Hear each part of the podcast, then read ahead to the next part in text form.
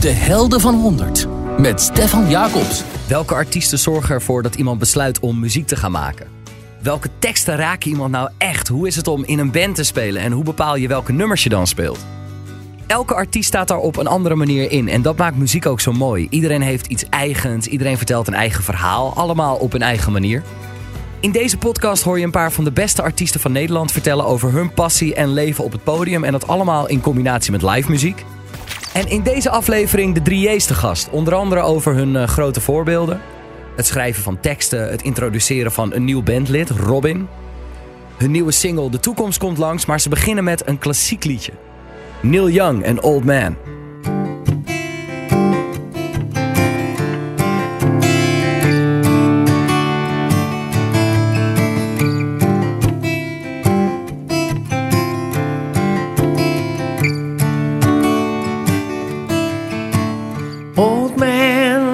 My life.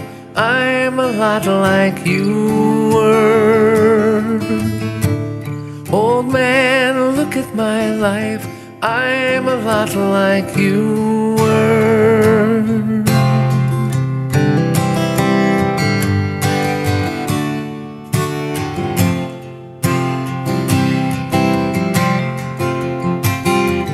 Old man, look at my life. 24 and there's so much more. Live alone in a paradise that makes me think of two. Love lost such a cost. Give me things that don't get lost. Like a coin that won't get tossed, rolling home to you.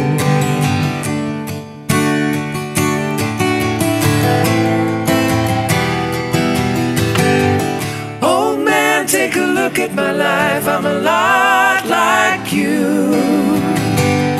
I need someone to love me the whole day through.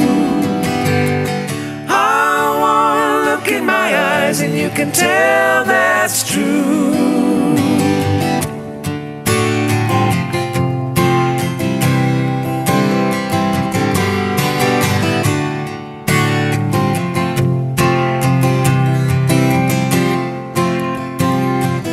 Lullabies look in your eyes, run around the same old town. Doesn't mean that much to me, to mean that much to you. I've been first and last. Look at how the time goes fast. But I'm all alone at last, rolling home to you.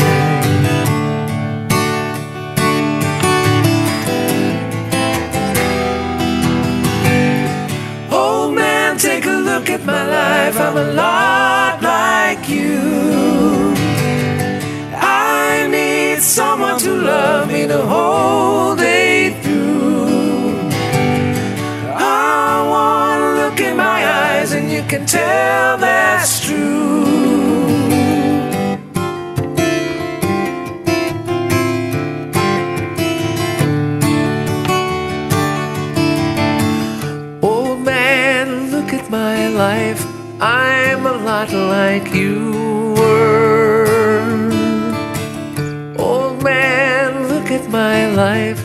I'm a lot like you were.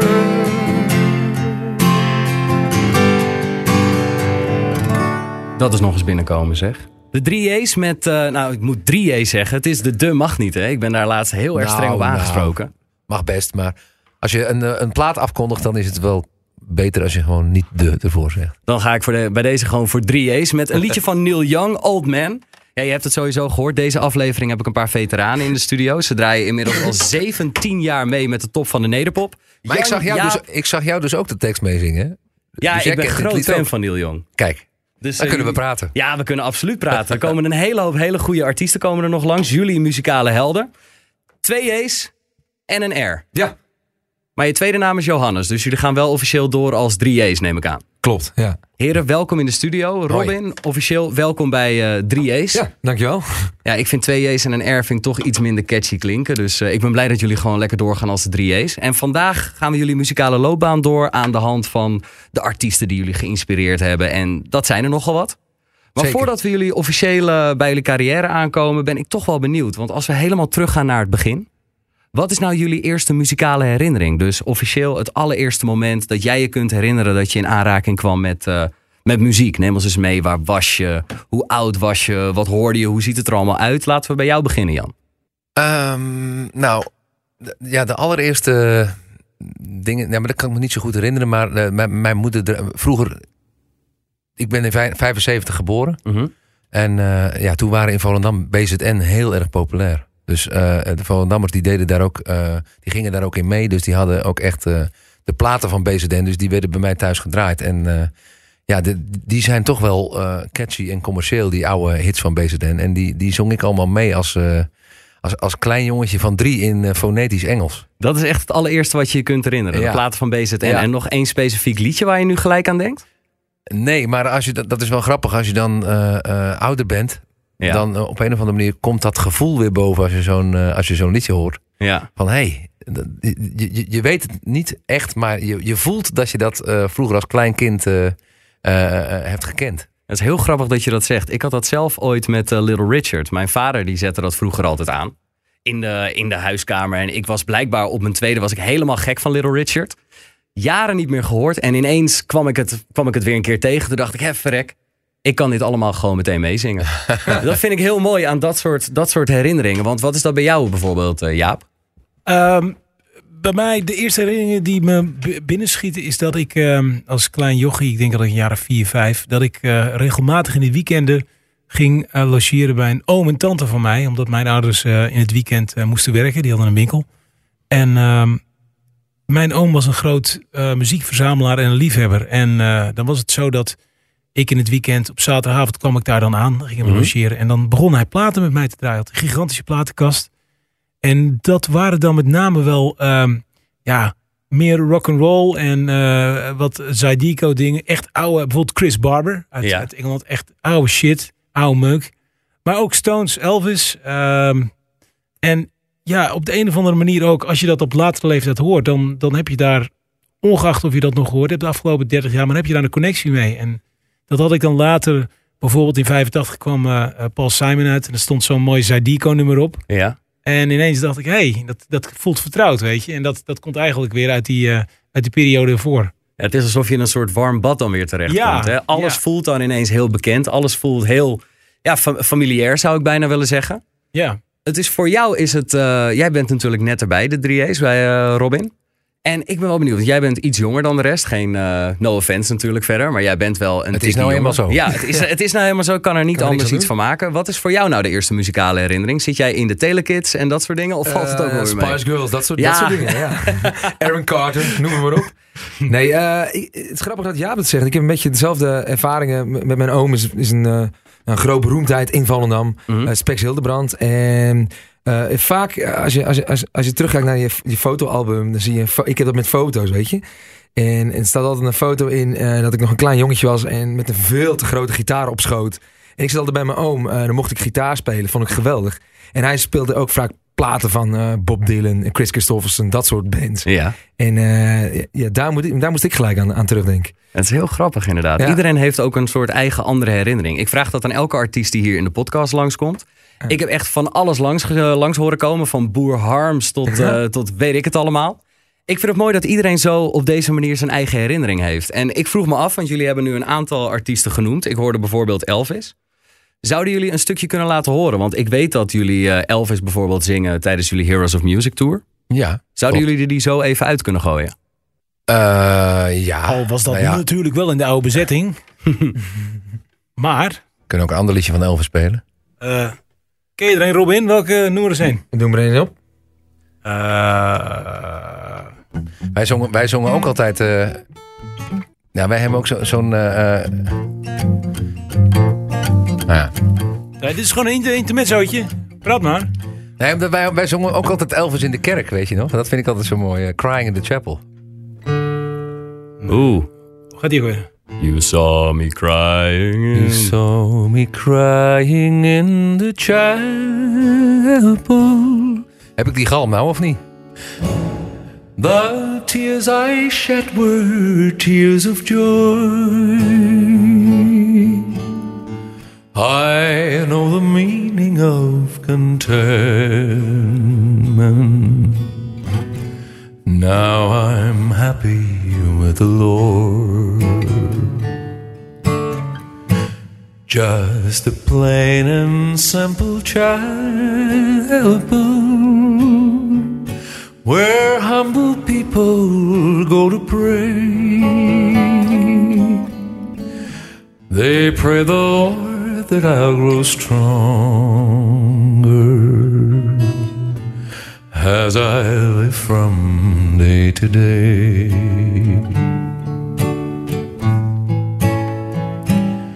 I've searched, I've searched, I've searched, I've searched. but I couldn't find no way on earth to gain peace of mind. Now I'm happy in the chapel. Get down on my knees and pray. Then my burden will be lighter, and Surely find the way.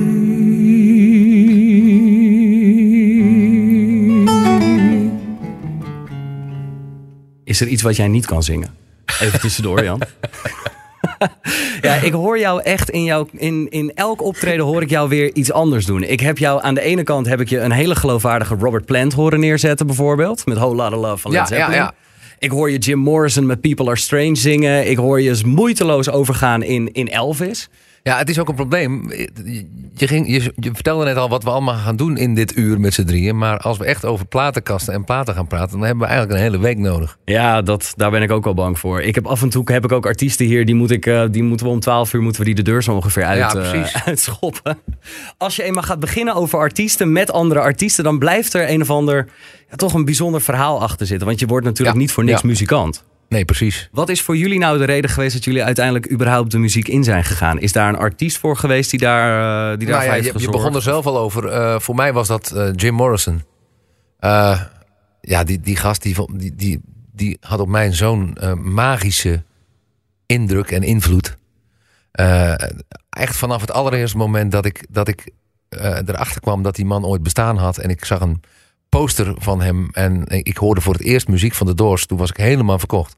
Maar ook echt helemaal gewoon eh, in de ban daarvan. Ja, hij heeft natuurlijk ook een heel, heel, heel vreemd, eigenlijk heel raar, heel mysterieus leven en, geleid. En dat vond ik zo interessant dat eh, ik, zoog dat op en eigenlijk ik wilde hem zijn. En wat is het dan precies aan zijn leven wat jou zo aansprak? Nou ja, eh, zijn leven was niet heel erg Lang. Ja, nee, dat, dat wil je niet, want hij Nee. was op zijn 27ste dood. Ja.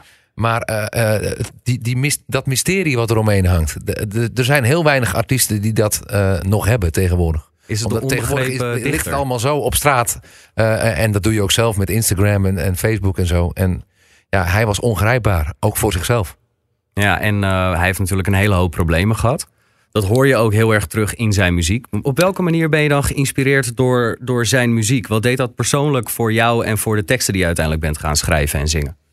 Nou ja, niet qua teksten, want eh, de teksten van, eh, van Jim Morrison, die, die, die begrijp ik nu eigenlijk nog steeds eh, bijna niet. Maar het is meer, ja, het, het, het, het, het ademt op alle manieren mysterie uit, die muziek. En wat hij op het podium deed ook. En dat vond het publiek ook. Alleen die, die kwamen op een gegeven moment kwamen ze alleen nog op die, op die, op die mafcase af. Omdat ze wilden zien wat voor gekke dingen hij deed op Ja. het podium. En dat vond hij dan weer niet leuk. En toen op een gegeven moment had hij gewoon geen zin meer in. Dus toen, toen stopte hij er ook mee. Ja, er is ook één, eh, één verhaal van Jim Morrison in, eh, in Amsterdam. Een van de eerste Ja, ja, ja, optredens die hij heeft gegeven. Dat hij, dat hij door die straten liep en dat hij van alle kanten drugs toegestopt, eh, toegestapt gestopt kreeg. En dat hij vervolgens gewoon maar 20 minuten op het podium heeft gestaan, knock-out is gegaan en verder geen noot meer heeft hij heeft helemaal niet opgetreden. Hij is gewoon überhaupt knock-out Nee, gegaan hij stond, hij stond 20 minuten te kijken bij het voorprogramma. En toen eh, stond hij daar te dansen en toen ging hij out. Oh, vandaar die 20 minuten. Ja. En voordat jullie bekend werden als, eh, als de 3A's, waren jullie überhaupt al een paar jaar heel erg actief binnen de muziek. Jaap, jij was bijvoorbeeld heel druk bezig als eh, sessiegitarist. Je staat ook op CD's bijvoorbeeld van nou ja, een waslijst aan andere artiesten. Ik zie hier eh Twares, Volumia, The Cats, om er maar even een paar te noemen. Inderdaad, ja. Hoe was die periode voor jou als eh, studiomuzikant? Ehm, nou, het, dat is ik was heel jong dat ik daarmee begon. Ik, ik geloof in 1996. Voor, nee, 95. Eh, mijn eerste jingle bijvoorbeeld was samen met John Eubank. Ik zal het nooit meer vergeten. Toen was hij net met Borsato aan het doorbreken. En John deed daar nog wat dingen naast. Het was een of andere jingle voor Veronica bij Studio Arnold Muren. En dat was voor de eerste keer dat ik daarmee in aanraking kwam. En ik vond dat wel, eh, ik vond het wel leuk. En eh, ja, toen is dat een beetje gaan rollen. En eh, heb ik zeg maar in de jaren 90 veel in die studio ja, gespeeld, ingevallen, weet ik veel allemaal. Ehm, en op het moment dat ik ja, vijf, zes jaar later dacht, dit gaat niks meer worden. Ik was toen al jarenlang was ik ook beroepsmuzikant hoor, in, in coverbands, maar echt veel spelen. En toen heb ik het opgegeven. Toen dacht ik, ik ga nu echt een normale baan zoeken. Toen was ik inmiddels eh, iets van 25. En op het moment dat ik stopte, toen kwamen er ineens echte bands en, en weet je, echt heel veel aanvragen. En ook of ik in bands wilde spelen als eh, ja, sideman, zeg maar. En dat was eigenlijk de periode dat ik dacht, oké, misschien moet ik hier gewoon, wat moet ik nog maar een keer proberen. En moet ik dan nu echt sessiegitarist en ja, muzikant weer worden. Maar dan op een, op een andere basis, weet je, voor mezelf in plaats van coverband. En toen ging het heel hard. Toen, eh, ja, toen ineens heel kort daarna, toen eh, ging het met de 3A's ook eh, de goede kant uit. Dus dat is een beetje mijn verhaal. eh. Ja, jullie hadden ook een soort zijproject. Afgezien van eh, dat je studiomuzikant was. Jij hebt heel erg veel met Jan Akkerman op het podium gestaan bijvoorbeeld. Nou, niet heel erg veel. Ik heb, eh, ik heb geloof ik drie keer met hem opgetreden op eh, verschillende jazzachtige festivals. Ja, jij leende je stem af en toe aan hem, hè? Ja, precies. Want hij was, eh, hij was natuurlijk voornamelijk gitarist. Ik vind dat nog steeds wel een hele bijzondere man. Want hij wordt nog steeds gezien als een van de grote gitaristen ter wereld. Hij wordt door Frank Zappa en door Eric Clapton wordt hij als hun grote voorbeeld genoemd. Hoe voelt het om als beginnend muzikant bij zo iemand op het podium te staan? Ja, dat is wel eh, spannend. Eh, en bijzonder is hij zeker te noemen. Dat is wel een van de bijzondere, bijzonderste mensen die wij ooit hebben meegemaakt. Ja? Ehm, maar het is ook wel weer lastig, want ehm, er is geen pijl op te trekken wat hij doet op het podium. Eh, omdat hij natuurlijk gewoon, hij heeft niet met zangers te maken, dus hij kan liedjes zo lang maken als hij wil. Dus op een gegeven moment ja, had ik eh, zangpartijen eh, die ik moest doen. En dan op een gegeven moment, ja, dan, dan, dan is de tekst op als zanger. En dan ging hij gewoon door. En dan op een gegeven moment, dan, dan moest ik op zijn teken, moest ik maar weer opnieuw beginnen met die tekst. En dat is, voor een zanger is dat heel eh, lastig. Heel moeilijk Dus ook. dat, soort, dat, dat zijn eigenlijk de herinneringen die ik eraan heb. Maar aan de andere kant was ook wel weer leuk. Dat, want dat publiek dat daarop afkwam, dat, heeft natuurlijk ook, dat kent natuurlijk ook die nummers van Brainbox en zo. En eh, die deden we. Dus die, vonden dat, eh, dat, die mensen vonden dat leuk om te zien dat zo'n jong ventje dan eh, eh, al die nummers ook kende. En je deed nooit... in, die, eh, in die tijd was ik nog jong namelijk. Je deed no- ja, ik ga niks zeggen. Ehm, ik heb, maar je hebt niet meegezongen met dingen als, eh, nou ja, als eh, dit, om maar even wat te noemen.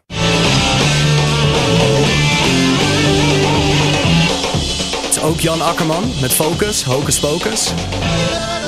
Nee, dit heb ik niet gedaan. Nee. Nee? Nee. Nee, ik zag jou dat op een of andere manier ook niet doen. nee. Ik had het wel heel grappig gevonden, maar dat gejodel, dat, dat is niks voor jou. Ja, maar dat gejodel, dat vond Jan ook niet meer leuk eh, Nee? na, de, na Focus. Nee. Nee, die was daar helemaal klaar mee. Ja, die was daar klaar mee. Grappig zeg. En voor, eh, voor jou, Jaap. Want jij hebt, eh, jij hebt een hele hoop in de studio gezeten. Wat is, eh, wat is van jou een liedje wat mensen niet per se zouden, zouden kennen? Maar waarvan jij wel trots bent uit, waarop jij wel trots bent uit die periode? Dat ik heb ingespeeld. Ja. Oeh, ehm, jeetje, dat is een goede vraag. Nou, ik, dat is heel obscuur, maar wij hebben een, eh, ehm, eh, in die tijd heb ik ook meegespeeld op het eerste album van onze Volendammer vriendin en ehm, eh, collega Martine Bond. Dat is helaas in die tijd, misschien komt haar tijd nog, maar in die tijd is dat album een klein beetje een, een stille dood gestorven. ja. Maar ik was in die tijd wel heel erg trots op de partijen die ik daar heb toegevoegd. Omdat ik daar, ik weet niet, ik vond die muziek zo mooi. En op de een of andere manier zorgde die muziek ervoor dat ik de juiste partij speelde. Zou je een stukje kunnen laten horen daarvan? dat is te lang geleden. Het is te lang geleden. Dat Niet, een riffje geleden. waarvan je denkt, nou, dat zou ik nog wel naar kunnen. Nee, nee, nee, nee. Ja, nee. Het is natuurlijk ook een hele moeilijke vraag, want hoeveel jaar hebben we het nu over? Dit, is, eh, eh, 2004, denk ik. Dus dat is 15 jaar geleden. ja, dat is wel heel lang geleden. Maar het is, je overvalt me er net mee. En ik denk, nou, dat is wel een plaat waarvan ik vind dat het... Ja, daar heb ik, ben ik wel geslaagd als sessiegitarist. Ja. je van, nou, daar ben ik trots op. Alleen, ja, dan- ik heb hem niet bij me. Nee, dat- maar dat maakt ook helemaal niet uit. Ik was daar voornamelijk gewoon heel erg benieuwd naar. Waar ik ook heel erg benieuwd naar ben. Ik kom zo meteen ook bij jou hoor. En ik heb een beetje het gevoel alsof ik jou echt half aan het, eh, aan het buitensluiten ben. Nee, dat is Blue Bus. Ja, Dat is een naam, eh, nou die kennen jullie sowieso. Maar ik denk dat er heel weinig mensen zijn die dat weten. Dat is een van jullie zijprojecten geweest. Daar maakten jullie ook het album Sex and Other Mind Games mee. Maar dat album dat is nooit, eh, dat is nooit uitgekomen. Wat is daar de Nee. reden voor geweest? eh, de drie J's waren daar de reden voor. Dat Ja, was gewoon te groot geworden. Nou, het, het, het is een beetje een lang verhaal. Even, even kort. Eh, wij waren eh, een jaar of vijf, zes, zeven bezig met dat project. Mhm. Eh, eh, in de studio ook. We hadden echt al een, een, een, laten we zeggen, een album op de plank liggen. En we waren ook bezig om met dat, met dat project een, een, een platencontract te krijgen. Alleen wij werkten de verkeerde kant op. Wij, wij speelden niet live met die band. Maar we wilden wel een platencontract. Nou, dat kan tegenwoordig, kun je, dat, kun je je dat ook niet meer voorstellen. Nee. Maar wij wilden het wel op die manier. En ja, dat werkte dus ook gewoon zo niet. Eh, op een gegeven moment gingen we voor de gein daarnaast eh, met de 3J's. Toen heten we nog niet de 3J's, maar gingen we Nederlandstalige liedjes maken Ja. in Volendam. En eh, daar hadden we op een gegeven moment ook een hele CD vol van. Dus die, die brachten we ook uit tijdens de Volendammer Kermis. Net als deze periode die, die, waar we nu in zitten. Ja. En ja, toen was in één klap heel Volendam fan van de 3J's. Want die liedjes die vonden ze zo mooi, die Nederlandstalige liedjes van ons. Terwijl wij, de hele, terwijl wij al jarenlang bezig waren om met een rockband eh, van de grond te komen, wat we niet voor elkaar kregen. En dat was Engelstalig. En dat was Engelstalig. Ja. En toen werd dat Nederlandstalige project zo uit onze handen getrokken. Echt letterlijk zei eh, manager Ja Buis van... als jullie dit niet landelijk gaan uitbrengen... ja, dan zijn jullie gek. Maar geef het dan maar aan mij, want dan ga ik het wel met Jan Smit opnemen of zoiets. dus toen dachten we, nou, toen, ja, toen hebben we uiteindelijk... hebben we gewoon dat Bluebus project eh, afgekapt. Plaat op de plank gelegd en zijn we met de 3J's het land ingegaan. Heb ik gelijk als ik toch bij jou een klein beetje, een klein beetje pijn zie dat je denkt van ja, zonder dat dat nooit iets is geworden. Nee, Nee, ik, ja, op een of andere manier, je vertelt het toch alsof je denkt van ja, het is, het, Nee, het is ik jammer. ben, ik ben ervan overtuigd dat we de juiste keuze hebben gemaakt. Nou ja, dat, is, eh, dat, dat, dat weet je ook wel, dat we de juiste keuze hebben gemaakt. Ja. Eh, en dat, ja, die, die Engelstalige rockmuziek, dat, dat, eh, dat doen we toch af en toe wel. Dat laten we toch af en toe wel zien op bepaalde momenten. Dus ik vind het mooi zo. Ja, dit was uiteindelijk niet het belangrijkste project voor jullie. Nee, Nee. Weten jullie daar nog iets van? Spelen jullie af en toe nog iets van dat album? Want dat album is dus nooit uitgekomen. Niemand weet hoe die liedjes klinken. we hebben van dat album hebben we twee nummers naar het Nederlands eh, vertaald. En op het tweede album van de 3J's gezet. Zouden jullie daar eentje van kunnen laten horen? In het Nederlands dan. Ja, dat is prima. Ja.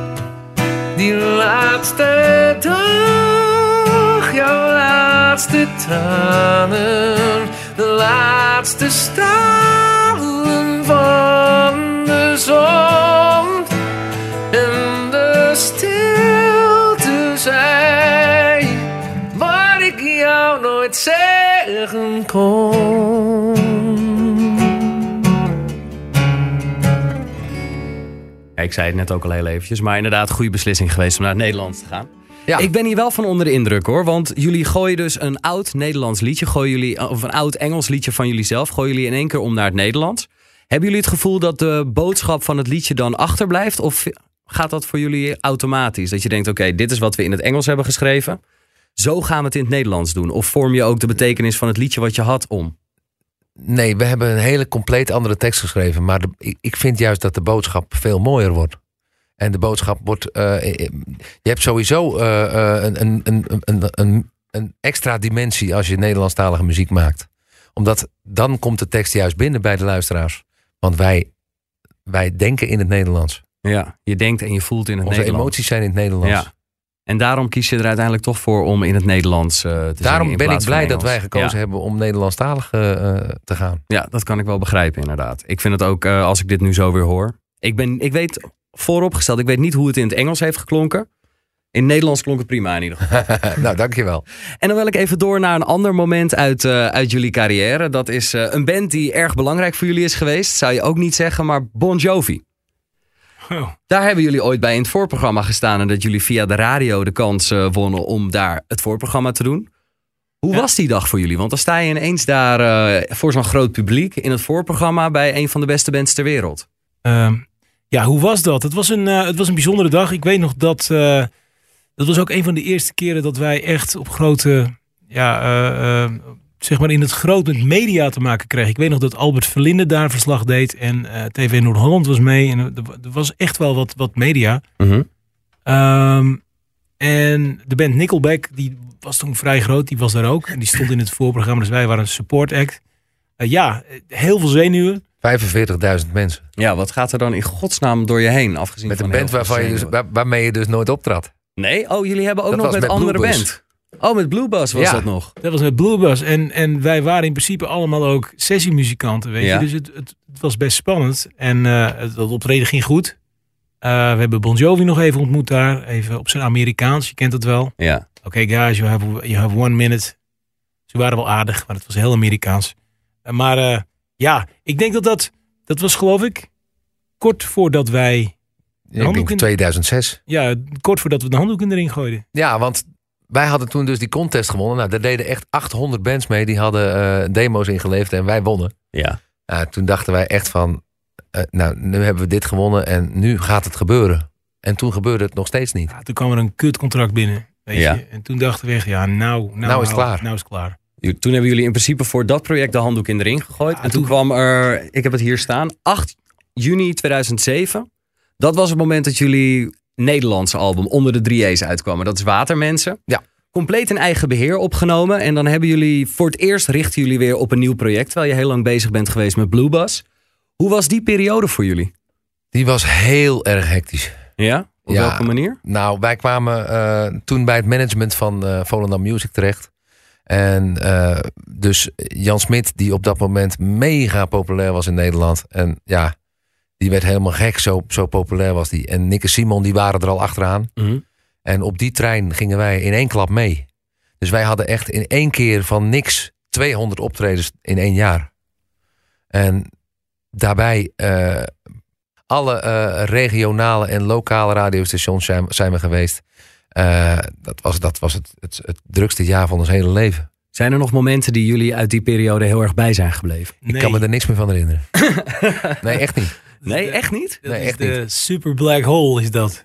Nee, je bent in een soort, in een soort waas terechtgekomen in Ja, dat de, jaar. de dingen die er wel zijn blijven hangen. En dat is op zich wel jammer dat Robin dat soort dingen niet meer mee... Of ja, ik weet niet, misschien gebeurt het ooit nog wel eens. Maar eh, de trips die we deden met Jan en Nick en Simon naar de zomer voorbij het programma. En dat begon ook in 2007. Mhm. Dat is wel een soort rode lijn, denk ik, als je tot en met 2014. ehm, weet je, dat zijn echt soort van, van bakens. Weet je, daar, daar, dat is voor mij nog heel duidelijk. En eh, we hebben er ook heel veel vriendschappen uit eh, aan overgehouden. Ja. Ehm, voor de rest is het allemaal wel een soort van eh, vaag. Eén lange, lange, Autorit. ja. ja, dat kan ik me wel voorstellen hoor. Wat gaat er, wat we, gaat deden, er dan- we deden dan vier, vier optredens op een avond, bijvoorbeeld op een zaterdagavond. Nou, dan, dan, dan kwam je terug van het vierde optreden. Dan wist je bij God niet meer wat de eerste twee waren geweest. Voelt dat niet Dat onwerkelijk? Als je Ja. erachter komt dat, dat mensen echt fan van je aan het worden zijn. Voelt dat niet vreemd? Ja, dat is wel een heel fijn gevoel. Fijn- ja, op welk- waarom is dat zo'n fijn gevoel? Dat het gewoon dat het goed gaat. Dat is wel belangrijk. Een Dat kwam natuurlijk ook door die tv-programma's. Als wij, op, als wij op tv het Wiegelied stonden te spelen, op zo'n camping, Ja, Eh, eh, en er stonden daar duizend mensen te springen. En daarna weer op het muziekfeest op het plein. Eh, ja, en dan op een gegeven moment, dan sta je daarna in een feesttent. En dan merk je dat ze daar ook ineens dat liedje allemaal kennen. Ja, dat, dat zijn leuke dingen. En nog steeds. Want ik kan, je, ik kan je eerlijk vertellen, als ik hier programma zit te maken. Er gaat geen programma voorbij of er komt niet een keertje een, li- het wiegelied komt langs. Het is echt het is bizar. Als ik vraag, sturen ze meezingen in. Het is echt 9 van de 10 keer komt het wiegelied nog steeds binnen. Ja, is eh, wij zeggen het ook altijd. Het wiegelied is populairder dan het 3 zelf. Nou, dat begint nu wel een klein beetje bij te draaien hoor, moet ik ja, zeggen. gelukkig Het wel. Het wiegelied, gaat, het gaat goed. het wiegelied is echt, dat is echt bizar. Dat is bijna een liedje wat een compleet eigen leven is gaan leiden. Ja, Hoor je nou wel eens een liedje op de radio van jullie zelf... wat je eigenlijk helemaal niet meer zo goed vindt? nou, het wiegelied. kan het niet meer horen. Nee, nee, dat is, eh, ja, dat, dat is een beetje... Ik, ik vergelijk het altijd een beetje met wat Boudewijn de Groot heeft met het land van Maas en Waal. Je, je, je moet dat altijd spelen, omdat het je populairste liedje is. Maar Ja. het hoort niet meer zo erg bij de rest van het repertoire. Het past Dat niet meer bij beetje. jullie. Nee. Ik moet wel zeggen, want we doen het liedje te kort. Als je het liedje, toen we het lokaal uitbrachten, was het een, een soort van ehm, gedichtje, kleiner geproduceerd van een vader aan de zoon. Dus het was wat intiemer. En toen wij dat album zeg maar gingen opnemen voor de landelijke release, Watermensen, toen vond de platenmaatschappij, en op zich was dat een, een goede move, maak het groter. Weet je, denk Mhm. even Guus Meeuwis, ik weet niet of ze dat letterlijk gezegd hebben, maar gooi er blazers in. Dan, dat is leuk voor live. En wij Ja. deden dat. En dat werd natuurlijk ja, opgepakt. Je kent het wel, bij, bij op carnaval er werden remixen van gemaakt. Ehm, ik vind wel de versie zoals hij nu is, weet je, zoals hij bekend is geworden, vind ik hem te plat voor de prachtige boodschap. Het mooie verhaaltje dat Jan heeft geschreven, weet je. Ja. Ehm, dus ik zelf ben wel heel trots op het liedje. Alleen ik vind het jammer dat, het, dat mensen niet meer de schoonheid van het, ja, de boodschap zien, weet je. Eh, Maar aan de andere kant krijgen we nog wel altijd, nog steeds ja, dat, dan, heel vaak eh, verhalen van mensen die, die vertellen dat ze met het wiegelied, ja, dat, ze, dat, dat hun kind met het wiegelied is opgegroeid. ja, veel mensen zingen het ook voor hun kind. Ja, Of in, ook de andere kant, hè, eh, eh, sterfgevallen, eh, ja, hoe erg dat is. Mhm. Maar zowel met een lach en een traan. En dat betekent gewoon dat het liedje iets losmaakt bij mensen. Weet je, dat de mensen die, ja, die, die tekst lezen, dat, dat het iets doet. Dat vind ik belangrijker dan dat er, weet je, 10.000 mensen staan te springen. Dat is leuk. Maar de mensen die iets aan zo'n liedje hebben, die hebben echt, ja, die hebben het begrepen hoe dat liedje is gemaakt en waarom het is gemaakt. Maar dat is niet hoe die destijds bedoeld is. Hij is niet zo Nee, bedoeld. En hij is, ook zo hij is ook zo opgenomen. Ja. Hij is, maar ja, er zijn eh, 2000 Volendammers die hebben die, die hebben die versie. En die is voor de rest nooit uitgekomen. Zou ik jou mogen vragen om, om jullie mogen vragen om dat, die versie een keertje te spelen? De kleine versie? Ja, maar ja, dat is een heel klein... eh, Ja, dat, maakt, dat maakt niet uit. Hij hoeft ook niet helemaal verder hoor. Maar ik ben wel Nou, benieuwd hoe die dan het is maar één rondje eh, wat drie keer, drie keer eh, hetzelfde is. Dus eh,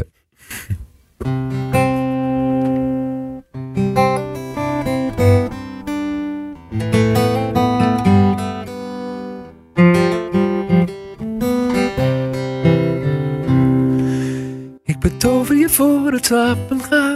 Spreek een goed woord en raak je aan. Engelen koren zingen straks je naam. Nu ben je nog zo'n kleine vent. En zolang jij de mijne bent, ben ik voor jou en pas mijn leven aan. Maak ik je blij wanneer je huilt. En voel ik me rijk wanneer je lacht naar mij. Breek ik het ijzer met mijn hand. Voel ik me wijzer dan de krant van morgen. Zal voor je zorgen, kleine man. Lach het aan mij dan, zou jij eeuwig leven.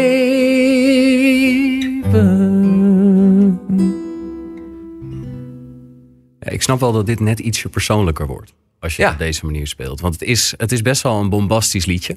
Het is eigenlijk een onwijze meezinger geworden, langzaam maar zeker. Maar dat is dus eigenlijk helemaal niet hoe die bedoeld is. Nee, zeker de als ik dit niet. zo hoort. Nee. De tekst is eigenlijk eh, profetisch. Als je heel knap. Jan was geloof ik... eh, het was een instrumentaal ja, melodietje. Het was tien jaar voor de geboorte, eh, elf jaar voor de geboorte van mijn eerste kind. Mhm. En dan al zo je in kunnen leven in het standpunt van de vader. Dat is wel bijzonder. Ja, ja. Ik vind, het dan, ik vind het dan grappig dat het uiteindelijk dan een meezinger is geworden. Want ik had het wel gegund als hij ook opgepakt was in de originele versie. Ja, maar hier hebben we zeg maar meer aan gehad hoor. Ja, dat is ook zo. En wat ik verder ook heel speciaal vind aan jullie is echt dat jullie letterlijk alles kunnen spelen. Ik, ik, ik verbaas me elke keer weer over. We hadden het er net ook heel even over. Maar ik kan jullie album Bronnen er bijvoorbeeld bij pakken. En ik zie gelijk Coldplay, The Doors hadden we het net al over. Bob Marley, Golden Earring. Muzikale helden zijn voor jullie toch erg belangrijk geweest. Ik zie dat heel veel terugkomen in jullie tours en dergelijke. Waarom leggen jullie daar zo de nadruk op? Jaap? Eh, nou, dat- daar, eh, dat is met de laatste tour is daar een eh, eind aan gekomen. Als het aan mij ligt. Ja? Ja, maar ik praat voor mezelf. Nee, ik, eh, ik, ik vind op een gegeven moment dat je daarmee moet stoppen. En wij hebben dat wel veel gedaan. En, en weet je, mensen hebben dat nu wel gezien. Maar voor mij is het nu wel belangrijk dat we de komende paar jaar weer even de focus op eh, de drieërs en de Nederlandse liedjes en eh, mooie verhalen gaan houden. Weet je, Mhm. want het is allemaal leuk, maar je staat op de schouders van reuzen. Weet Ja. je, en, en ja, het is een kunstje, weet je, dat wij beheersen. Maar er zijn meerdere bands die dat goed kunnen. Eh, er zijn heel veel goede coverbands. En ik, ik, weet je, dat is een goede zaak. En we hebben allemaal leren spelen, weet je, door covers te spelen. Maar uiteindelijk moet het niet zo zijn dat je als, als, als band, zoals wij, eh, op een gegeven moment bekender wordt van het, van het spelen van covers, weet je. Dan ben je verkeerd bezig. En dat gebeurt wel eens. Dan, eh, ja, eh, dan kom je ergens bij een optreden en dan zeggen ze tegen Jan, eh, kan je even dat nummer zingen van wat je toen bij de beste zangers deed? Of kan je even dat nummer doen uit de U2-tour? Ja, weet je, Ja, daar kom je niet voor. daar kom je niet voor. Nee. En we zijn nu wel op een punt dat we daar gewoon echt mee moeten stoppen. En tenminste, dat is mijn mening. Ehm, dus ehm, dat Lek- gezegd hebbende... Ja. Lekker dat jullie bij een podcast zitten waar we het lekker over covers aan het hebben zijn. Nee, nee, nee, maar dat is, nee, maar dat is helemaal niet erg. Nee, nee hey, we hebben dat met veel plezier gedaan. De Heroes of Music Tour was echt Mhm. prachtig. We hebben die U2 Tour. Dat was een, een volledig uitverkochte theatertour. Ja, Maar van de afgelopen drie theatertournees hebben wij twee keer hebben we dat met nummers van eh, andere mensen gedaan. We gaan met kerst bijvoorbeeld ook nog een keer eh, doen we een kerstshow. Dan speel je ook veel covers. En dan moet je op een gegeven moment eerlijk zijn van hey, als je op jaarbasis gaat kijken, dan doe je dat op dit moment gewoon te veel. Dus we hebben dat nu een paar jaar gedaan. De eerste tien jaar sowieso bijna niet. Dus het is niet zo dat we daar over een lijn zijn gegaan. Maar ik vind wel gewoon eventjes terugkijkend naar de afgelopen drie jaar. Dat we nu eventjes... We zijn met een mooi prachtig album Ja. bezig, weet je. Laten we dan nu de focus ook daarop houden. En, eh, en ook, weet je, met, met Robin. We moeten ook weer een nieuw geluid gaan ontdekken... van hoe de 3J's klinken in een nieuwe bezetting. Ja, want dat is natuurlijk ook nog wel een experiment. Robin, hoe voelt het voor jou om binnen zo'n band binnen te komen? Want Jaap en Jan die zijn al eh, jaren op elkaar ingespeeld. Jij komt er eigenlijk nu een beetje tussen als nieuwkomer. Hoe voelt dat voor jou? Ja, be- best apart moet ik zeggen. Ja? Ja. Ja, zij spelen natuurlijk al gewoon ruim 15 jaar met, met elkaar. En dan kom je Mhm. als een snotaap even, even binnenwandelen en dan, dan moet je meespelen. Ja. En eh, ja, ze gooien me af en toe echt wel voor de leeuw. En dat, dat is natuurlijk heel spannend. Maar eh, ja, dat voelt wel goed. En op welke manier? Nou, ehm, eh, vorig weekend zat ik bijvoorbeeld op Lowlands. En dan krijg je zondagochtend... word je zwetend wakker en krijg je een setlist toegestuurd... waarvan ik zeven liedjes nog nooit had gespeeld. en die moest ik diezelfde middag spelen. Ja, en dan rijden ze terug eh, van Lowlands met, met die nummers in de playlist. En daarna moet ik mijn gitaar pakken en dan moet ik het podium op. Nou, dat, dat is wel voor de leeuw gewoon. Ja, dat kan ik wel voorstellen. Je eerste, je eerste optreden? Ja. Dat was Ja, in eerste voetbalstadion. optreden? Eerste optreden, 10.000 man, weet je, ga, ga maar staan. Eh, we zouden eigenlijk niet repeteren. Op het laatste moment kwam er een nieuwe drummer bij. Hebben we één keer gerepeteerd en daarna sta je voor 10.000 man op te treden. Ja, dat is wel, eh, dat, dat houdt het wel spannend. Ja, dat kan ik me voorstellen. Ik, ik vind dat wel kicken hoor, ik vind het wel leuk. Maar, eh, Voordat jij bij de 3J's terecht kwam, was je ook fan van de band? eh, ja, ja, Ja? ja? fan. kijk, in Volendam wordt het gewoon hartstikke veel gedraaid. Over twee weken heb je bijvoorbeeld weer de kermis. En ik heb er altijd gewerkt bij, bij een café. En op zaterdag sp- spelen de DJ's er altijd. En dan gaat gewoon het dak eraf. En moet je gewoon bang zijn dat de dijken gaan, gaan verzakken. Dat is niet normaal, wat een gekhuis daar is. Ja, dat is wel kicken om te, om te zien. En vooral ook om dan straks daar mee te gaan spelen. Ja, want jij komt zo meteen in een soort rollercoaster terecht. Wist je waar je aan begon voordat je eraan begon? Eh, niet helemaal, nee. Nee? nee. Wat is de grootste verrassing geweest voor jou? Ehm, nou, ik, ik bedoel eh, dat ik niet helemaal wist waar ik aan begon. Eh, kijk, je weet niet wat het leven inhoudt. En eh, tot nu toe bevalt het erg goed. Eh, maar je gaat veel spelen, je gaat veel het land in. En ja, daar kom je later pas achter hoe dat, eh, ja, hoe dat, hoe dat gaat bevallen en hoe dat is. Maar eh, vooralsnog is het, is Ja? het top, ja. Weet je, ik denk dat het gewoon voor jou, weet je, als je. ehm, dat het vooral leerzaam ook is, weet je. In, in de studio spelen en Ja, je leert heel veel. Ja. Er zijn hartstikke veel nieuw- nieuwe dingen en je moet alles ontdekken. Mhm. Dat is het vooral. ik vind dat op zich wel mooi om te zien, weet je. Eh, op de een of andere manier, wij moesten alles zelf uitvinden. En eh, eh, voor Robin, eigenlijk wordt hij meteen, zoals hij net ook zegt, voor de leeuwen gegooid. Maar je ziet wel meteen dat hij dat goed oppakt. En dat je, ja, dat is een soort spoedcursus. eh, muzikant, weet je, muzikant 2.0. En je moet wel presteren Ja, op je zo'n moet moment. presteren, ja. weet je. En dat, is, nou, dat, dat doet hij ook. Maar ja, dat is natuurlijk super leerzaam. Heb je nou zelf nooit dat je, Robin, als jij, eh, als jij naar de muziek van de 3A's luistert, jullie zijn nu samen aan het schrijven aan nieuw materiaal. Jij stapt nu in die sneltrein die de band heet. Heb jij een gevoel dat je, dat je misschien de 3A's naar een andere richting wil doen? Of heb jij zelf iets van jezelf wat je kwijt wilt in de band, zodat het een geheel van jullie alle drie wordt? Ehm, ja, ik, ik, ik denk dat de race sowieso heel eh, eh, veelzijdig zijn. Als je kijkt naar de... Hoeveel albums hebben jullie? 13 of zo? Er zijn best wel veel stijlen in, eh, in, in de muziek. En ik vind het wel prettig dat je, eh, dat je niet in één hokje moet gaan zitten. Dat je gewoon je hele creativiteit kwijt kan. Ja. En ehm, ja, daar, daaraan meedenken, daaraan meeschrijven. ehm, ja, dat, lijkt, dat lijkt me gewoon hartstikke leuk. Eh, ja, Maar heb je dat nog niet gedaan? Al meegeschreven? Ja, ja, ja. Ehm, nou, vanaf dat ik in de band zit, eh, hadden de jongens al best wel wat nummers op de plank liggen. Mhm. En ze hebben hem eigenlijk meteen bij de schrijfsessies betrokken. Eh, maar er waren heel veel liedjes al grotendeels af. Dus dan, dan voeg Maar je dit- wel dingen toe. De nieuwe single heb je, heeft hij meegeschreven. Oh, die heb je meegeschreven aan toekomst. Ja. Oh, dat vind ik dan wel bijzonder. Wat heb jij daaraan toegevoegd dan? Qua, qua teksten? Ja, wat, Nou, bijvoorbeeld... Hoe, eh, gaat zo'n, hoe gaat zo'n schrijfsessie? Laat ik dat dan, eh, laat ik die vraag nou, je moet je stellen. voorstellen dat, dat die jongens nodigen me uit en we zitten met z'n drieën aan tafel. En eh, nou, ze zeggen gewoon, dit hebben we. Hier gaan we aan schrijven. Verzin jij maar een bridge. Ja, en dan zit je dan je eerste keer en dan moet je dat, dat doen. En dat is in het begin heel spannend. Want je weet natuurlijk niet, ja, als ik nu dit laat horen, wat vinden zij er dan van? En ja, dan moet je durven, dan moet je ballen hebben en dan moet je het gewoon laten horen. Ja, dat, is, dat is goed gegaan. En dan heb je het wel goed gedaan. Dus die, Nou, die bridge die, eh, die in toekomst zit, want op een gegeven moment valt, een beetje, eh, valt het ritme een beetje weg. Dan valt hij een beetje, eh, dan gaat hij wat rustiger en dan bouwt hij op. Die komt van jou uit dat liedje. Ja, bijvoorbeeld. Oh, dat vind ik wel bijzonder. Jullie gaan hem zo meteen ook even spelen. Ben ik heel benieuwd naar. ben ik heel Naar de akoestische naar, naar- versie. Wij ook, wat hebben we nog nooit gedaan. Naar de akoestische versie inderdaad. Want jullie kwamen met, eh, met, met twee gitaren en een drumkist aan. Maar ik kan maar één gitaar inpluggen. Dus eh, het wordt één gitaar en een drumkist. Maar voordat het zover is, wil ik even met jullie naar, eh, naar de tours kijken die jullie hebben gedaan. Want jullie hebben, we hadden het er net heel even over dat jullie een beetje klaar zijn met het kofferen. Maar ik wil het er toch nog even over hebben. En dan voornamelijk over de U2-tour die jullie hebben gedaan. Ja.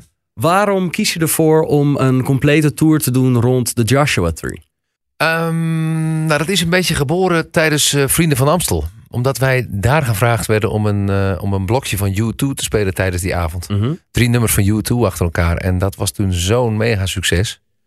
Dat, ja, wij- en we waren ook een beetje eh, aan het nadenken van wat zouden wij nou eens... Wij, wij, wij, wij staan ieder jaar in het theater met Ja. een tour. En je, je, de meeste artiesten die in het theater spelen, die doen dat sowieso niet ieder jaar. Omdat, ja, die doen dat om het jaar of om de één keer in de drie jaar. Gewoon omdat als je ieder jaar met je eigen band in het theater staat, dan gaan de bezoekers op een gegeven moment een jaartje overslaan. Ja.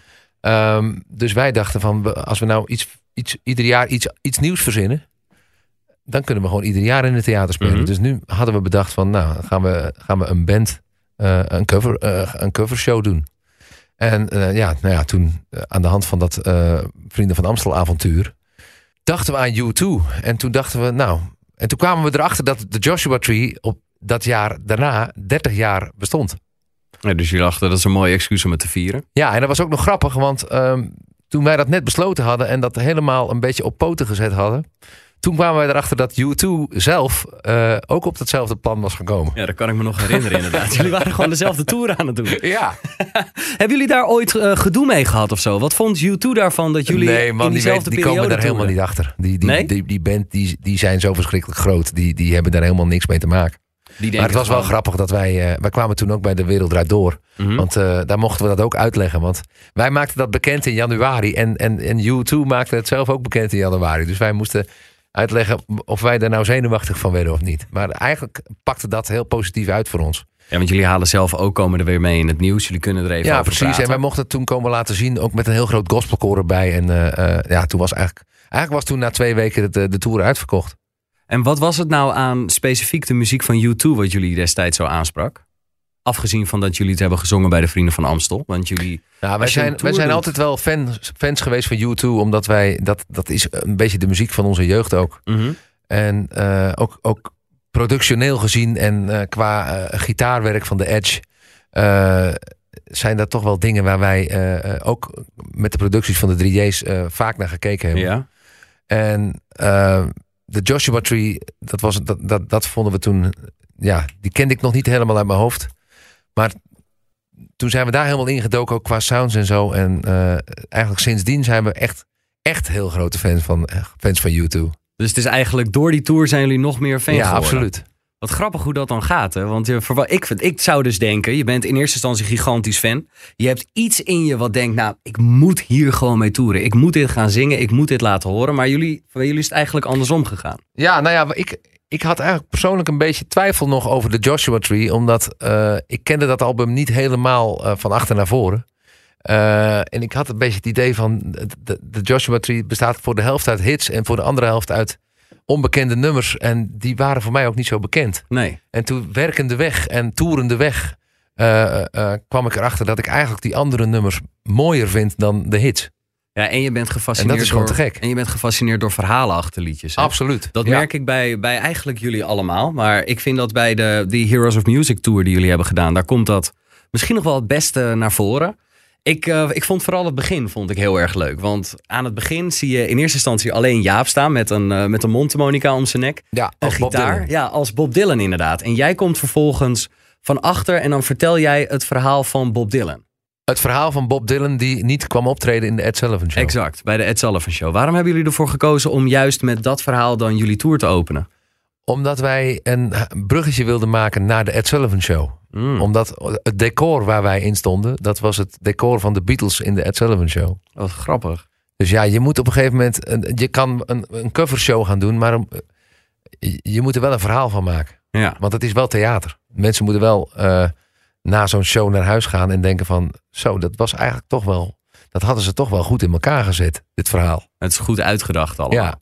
Ja, ik vond, eh, ik vond je ook een eh, bijzonder goede verteller. Ik, eh, ik heb een paar stukjes terug zitten kijken. Ik heb helaas niet helemaal meege, meegekeken.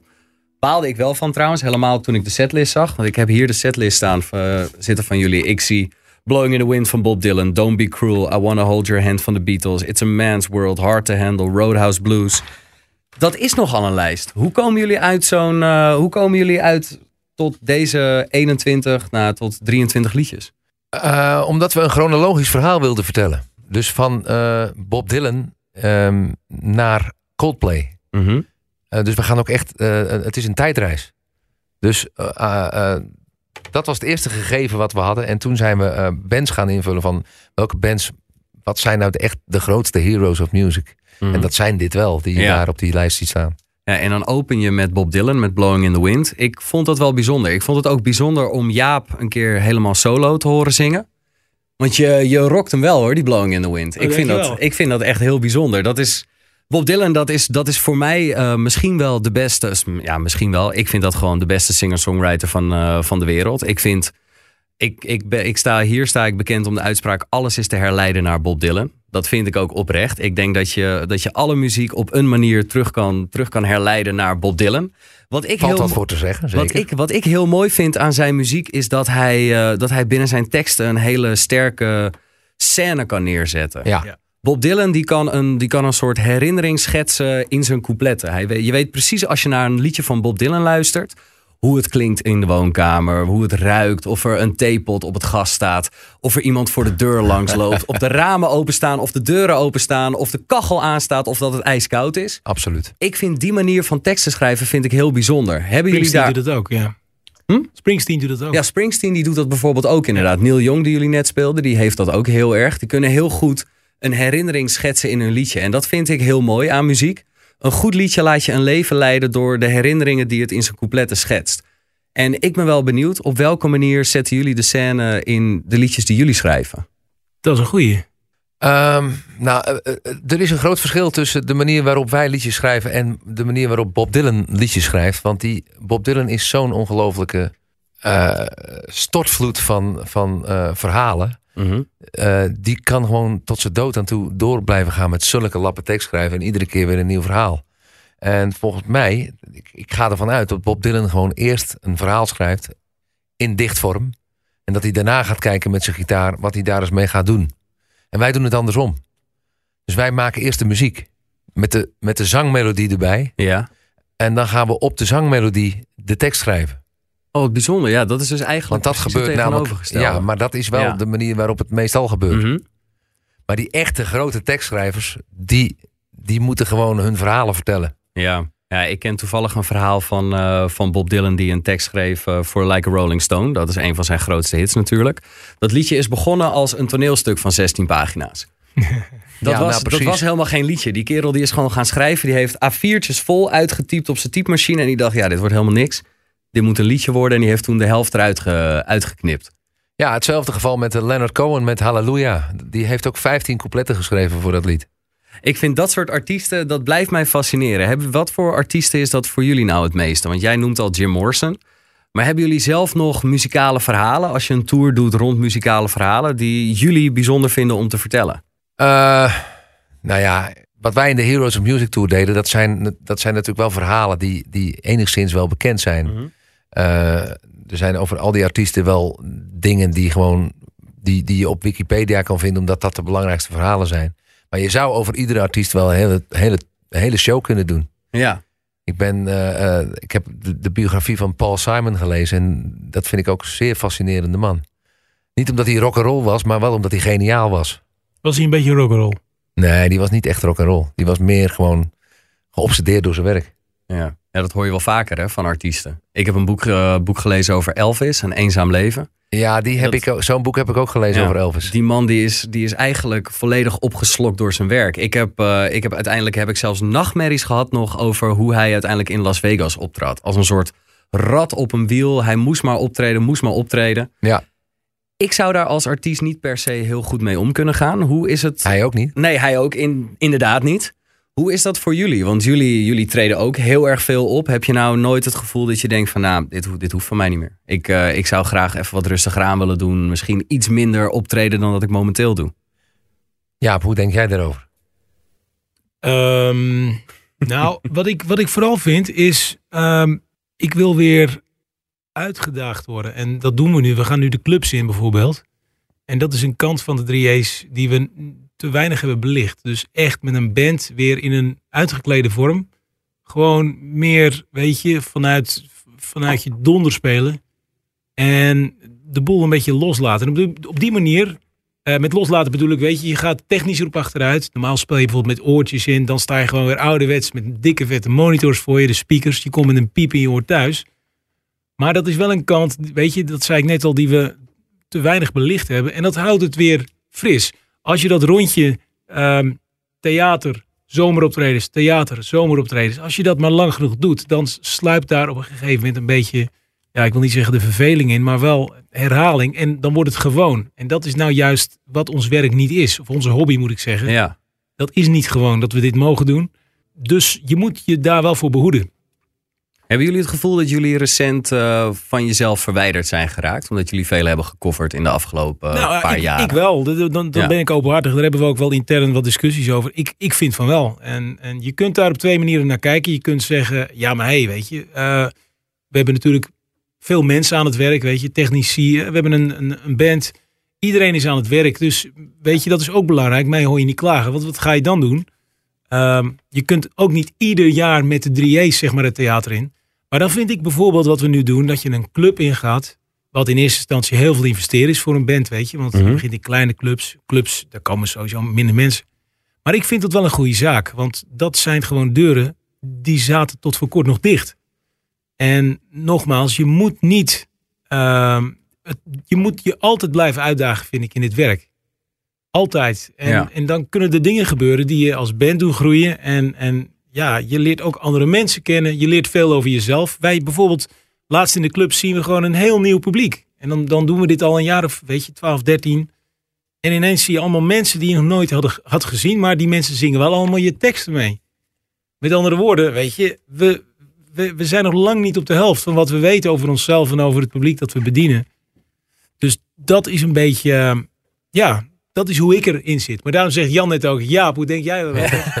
ik zeg Ja, niet wist dat, dit natuurlijk al lang. Ja. Nee, maar dat is geen unaniem besluit, weet je. Dat is gewoon mijn mening. Eh, bij management denken ze er ook misschien anders over. En iedereen mag daar zijn mening over hebben. Mijn mening is in ieder geval gewoon dat ik het belangrijk vind dat we de focus gewoon weer op onszelf houden. En gewoon, weet je, geïnspireerd raken door de muziek van anderen. Ja. Maar dat vervolgens doorvertalen naar een mooi nieuw album. Want zo hoort het te gaan. in Gewoon naar eigen liedjes. doorvertalen naar eigen Ja. liedjes. Zoals Springsteen dat deed met liedjes van Dylan. Weet je, zo moeten wij ook, weet je, observeren. En dat weer doorvertalen naar je eigen plaat. Ja, dat kan ik wel begrijpen. Dat is het gewoon. Zo hoort het te gaan. En, en je moet niet. ehm, je, weet je, als, je, als dat je ding is, als je covert, is echt prima hoor. Want ik heb veel respect voor heel veel bands. En dan moet je dat ook gewoon doen. Maar ik vind wel dat je gewoon. eh, wij moeten observeren en eh, evalueren. Ja. Heb je ook het gevoel dat je, een, eh, dat je in directer contact staat met je fans? Heb je, heb je een soort direct contact gemist? Wat je niet krijgt bij een grote zaal, wat je wel krijgt als je in een club optrekt? Nou, het ding is dat je als je liedjes van jezelf speelt, je hebt met die liedjes heb je natuurlijk veel meer, omdat je weet waar de liedjes vandaan komen. Je weet van elke noot die op de plaats staat hoe die is gespeeld. En als je ziet dat mensen daarvan genieten, dan geniet je daar meer van dan van, weet ik veel, als je een, een, een epische eh, rockhit, weet je, speelt. Ja. Tuurlijk kan je genieten, dan geniet je wel van de mensen en van de energie in de zaal. Maar niet per definitie van het lied zelf. Ze zingen Want- niet met jouw werk mee. Nee, Waardoor je niet het gevoel hebt dat ze echt voor jullie komen, maar meer voor de liedjes. Ja, nee, maar dat is prima. Maar Ja. ze zingen ook niet met jouw herinnering mee. Nee. Weet je? Want bij elk liedje van jezelf heb je ook wel een sterkere herinnering dan dat je hebt met de meeste liedjes die je covert. Kijk, tuurlijk speel je wel eens een cover. Weet ik veel. Het favori- favoriete liedje van je overleden oom. Weet ik veel. Mhm. van je, eh, van je vader. Maar mijn ouders leven nog hoor. Maar eh, ik noem wat. Dan kan, kan het zijn dat je een band met een liedje hebt. Maar vooralsnog denk ik gewoon dat het, de meeste kracht zit in je eigen liedjes voor wat betreft binding. En, en ja, dat is voor mij toch meer waard. Ja, dat, dat geloof ik ook Dat wel. is het een beetje. Ja, wat doet dat als een, eh, als een artiest als je, als je een compleet publiek jouw liedjes ziet meezingen? Dat, dat is de ultieme eh, beloning, denk ik, voor Ja. hard werken en, eh, en jezelf uitdagen. Heb je niet het gevoel dat je jezelf ook heel bloot geeft als je op het podium staat? Ben je nooit bang dat er... Is er wel eens een optreden volledig misgegaan? Ik kan het me haast niet voorstellen. Ja, het Songfestival. Ja. Nee, maar verder in, in de clubs, je hebt nooit... eh, want ik hoor bijvoorbeeld, ik, ik spreek af en toe nog wel eens een, eh, een stand-up comedian. Dit is een compleet ander voorbeeld. Maar daar kopen mensen ook kaartjes om die stand-up comedian te zien. En dan op een of andere manier is de energie in de zaal is niet lekker. Of loopt iets niet helemaal goed. Mensen zitten niet goed in hun vel. Hebben jullie dat als artiest ooit meegemaakt? ja, tuurlijk. Kijk, Jan de schetst dat net over die eerste paar jaar. Maar dat was, dat was echt geen pretje hoor. Nee? Weet je, nee. Wij hadden één single uit. En, en we werden geboekt voor eh, 30, 35, 40 minuten. Ja, dat waren wel de langste 40 minuten uit je leven hoor. Als je dan even naar Noordoost-Groningen moest. Ja. Want dan op een gegeven moment, dan, eh, als het wiegelied was gespeeld in de zomer voorbij, dan moest je er nog acht. En toen liep, toen liep de zaal leeg? Of, ja, eh, nou, mensen die, die- Nee. ik bedoel, Nee, liep niet leeg, maar ze kennen die liedjes niet. Nee, Dus dan, dan, sta je, voor, sta je nog acht liedjes te zingen. dan staan ze gewoon, gaan ze bier halen. Of, eh, of af en toe krijgen een middelvinger. Of ze draaien even met de rug naar je toe. Want dan gaan ze even gewoon lekker even praten. En dat Mhm. is ook prima hoor, want het zijn allemaal mensen. Maar dat was voor ons best wel in die tijd was dat lastig. Maar Hebben ja, jullie middelvingers gekregen echt tijdens optredens? jawel hoor, ja. ja? Ja, tuurlijk. Ja, als, daar, als je bijvoorbeeld op een avond staat waar bijvoorbeeld vier artiesten achter elkaar staan. En, en laten we zeggen, de headliner eh, die staat om, eh, ik noem maar wat, om 12 uur. En jij speelt om 11 uur. En die mensen hebben geen zin in jou. En die mensen zijn een beetje aangeschoten en eh, een beetje dom. dan, dan kan het zomaar zijn dat de middelvingers naar je kop vliegen, weet je. Maar dat, weet je, dat, dat, dat, daar leer je van. En dat is ook allemaal prima. Je moet wel een, eh, een, harde, een harde huid hebben hoor, voor Oh, dat man. soort dingen. die krijg Zo. je wel. Ja, maar die krijg je uiteindelijk wel. Hè. Daar Ja. leer je volgens mij wel mee omgaan. Zeker. En inmiddels zijn jullie druk bezig met jullie nieuwe project. We hebben dat natuurlijk al een aantal keer, eh, een aantal keer besproken. De toekomst. Jullie hebben nieuwe muziek en voor mijn gevoel heeft die nieuwe single, De Toekomst, heeft ook wel een klein beetje te maken met, eh, met Robin. Want Robin, jij bent, Nee. jij bent de vervanger van, de, van Jan de Wit. Het heeft niet te maken met de toekomst die jullie nu samen tegemoet gaan als band? Nou, ook. Het is een beetje. eh, eh, het, het, het verhaal is. eh, het, ja, een, een, een autorit als. ja, een rollercoaster ride. Een, een, een metafoor voor wat er komen gaat. De toekomst met Robin en onze carrière. En je weer verdiepen in jullie roots. Jullie gaan weer terug naar wat de 3A's in eerste instantie voor jullie betekenden. Jullie gaan weer naar clubs toe. Heeft dat er ook mee te maken? Dat eigenlijk gewoon vanaf nu gaan jullie weer terug naar wat jullie eigenlijk wilden doen? Ja, nou ja, de- de- wat dat betreft is de, is de, de sound van het lied eh, zeer geschikt. Want dat is een soort van, ja, hoe moet je het noemen? Eh, country rock zou je het kunnen Mhm. noemen. En eh, dat leent zich goed voor, voor zo'n clubshow. Ja. En deze, deze single is ook een beetje ter promotie van die clubtour die eraan zit te komen. Ja, die clubtour die, eh, die begint in... Wanneer begint die Oktober. precies? In oktober. Dus dat, dat is al bijna. Deze podcast die wordt eh, in eerste instantie wordt die in eh, september gereleased. Dus daar, Ja. die kaartjes die zijn al in de verkoop. En daarbij komt er ook een compleet nieuw album aan. Jullie In hebben- februari. in februari pas. Maar daar zijn jullie wel al heel druk mee bezig. Ja, maar Zijn daar er- gaan we nog veel drukker mee bezig zijn dit komende najaar. Waarschijnlijk eh, eh, moeten we tot, tot december elke dag de studio in. De eerste single, daarvan, de eerste single daarvan, dat is de toekomst. Ja. Zouden jullie die, even, zouden jullie die kunnen spelen? Tuurlijk. Dan pak ik even mijn cajon erbij. Ja. En dan geef ik nu deze gitaar aan Robin. One, two, one, two, three.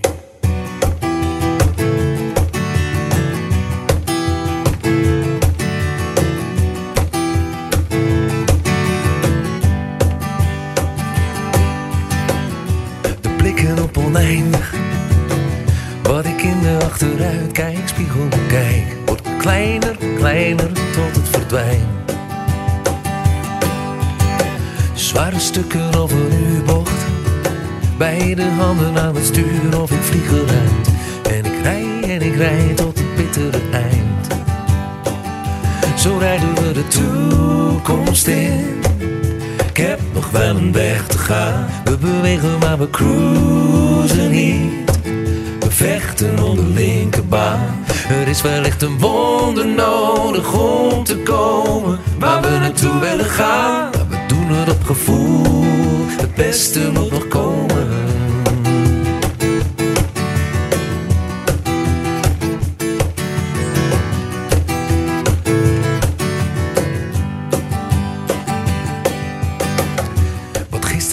Ver is morgen alweer ergens ingehaald. Want de tijd is geheid even sneller dan mij. Maak je niet druk, want het gebeurt toch. Zo moeten we maar doorgaan allemaal. Ik weet dat jij me begrijpt als je toetert naar mij. Zo rijden we de toekomst in. Ik heb nog wel een weg te gaan. We bewegen, maar we cruisen niet. We vechten om de linkerbaan. Er is wellicht een wonder nodig om te komen waar we naartoe willen gaan. Maar we doen het op gevoel. Het beste moet nog komen. We rijden de toekomst in. We rijden, we rijden verder. Rijden de toekomst in. En ik rij, en ik rij, en ik rij, en ik rij, en ik rij. Toen rijden we de toekomst in. Ik heb nog wel een weg te gaan. We bewegen, maar we cruisen niet. We vechten om de linkerbaan. Er is wellicht een wonder nodig om te komen waar we naartoe willen gaan. Het op gevoel. Het beste moet nog komen. Zo rijden we de toekomst in. Ik heb nog wel een weg te gaan. We bewegen, maar we cruisen niet. We vechten om de linkerbaan. Er is wellicht een wonder nodig om te komen waar we naartoe willen gaan. Maar we doen het op gevoel. Het beste moet nog komen.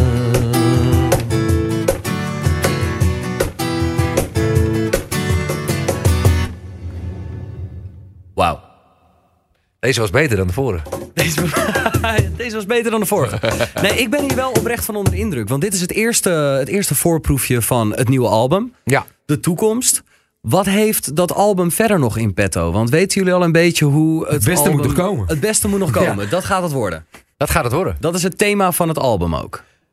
Eh, nee, dat is wel de gedachte achter het album. En eh, wij hebben ook eh, ja, heel veel liedjes al geschreven. En Mhm. eh, de bedoeling is eigenlijk dat het een heel positief, eh, tussen aanhalingstekens, zomers album wordt.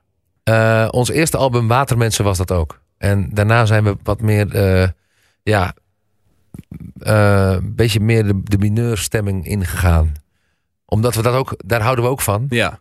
Alleen nu, nu hebben we ervoor gekozen om het allemaal een beetje, ja, uplifting te maken. En dan hoor ik weer teruggaan naar de roots. Dat is dus toch wel een belangrijk moment geweest voor jullie. Want eigenlijk is dit jaar is super spannend voor jullie geweest. Vorig jaar eigenlijk ook al een klein beetje. Nieuwe bandlid erbij. eh, er is nieuwe muziek onderweg. En dan kiezen jullie er toch voor om verder heel erg terug te gaan naar jullie roots. Is dat een, eh, geeft dat een veilig gevoel? Nee.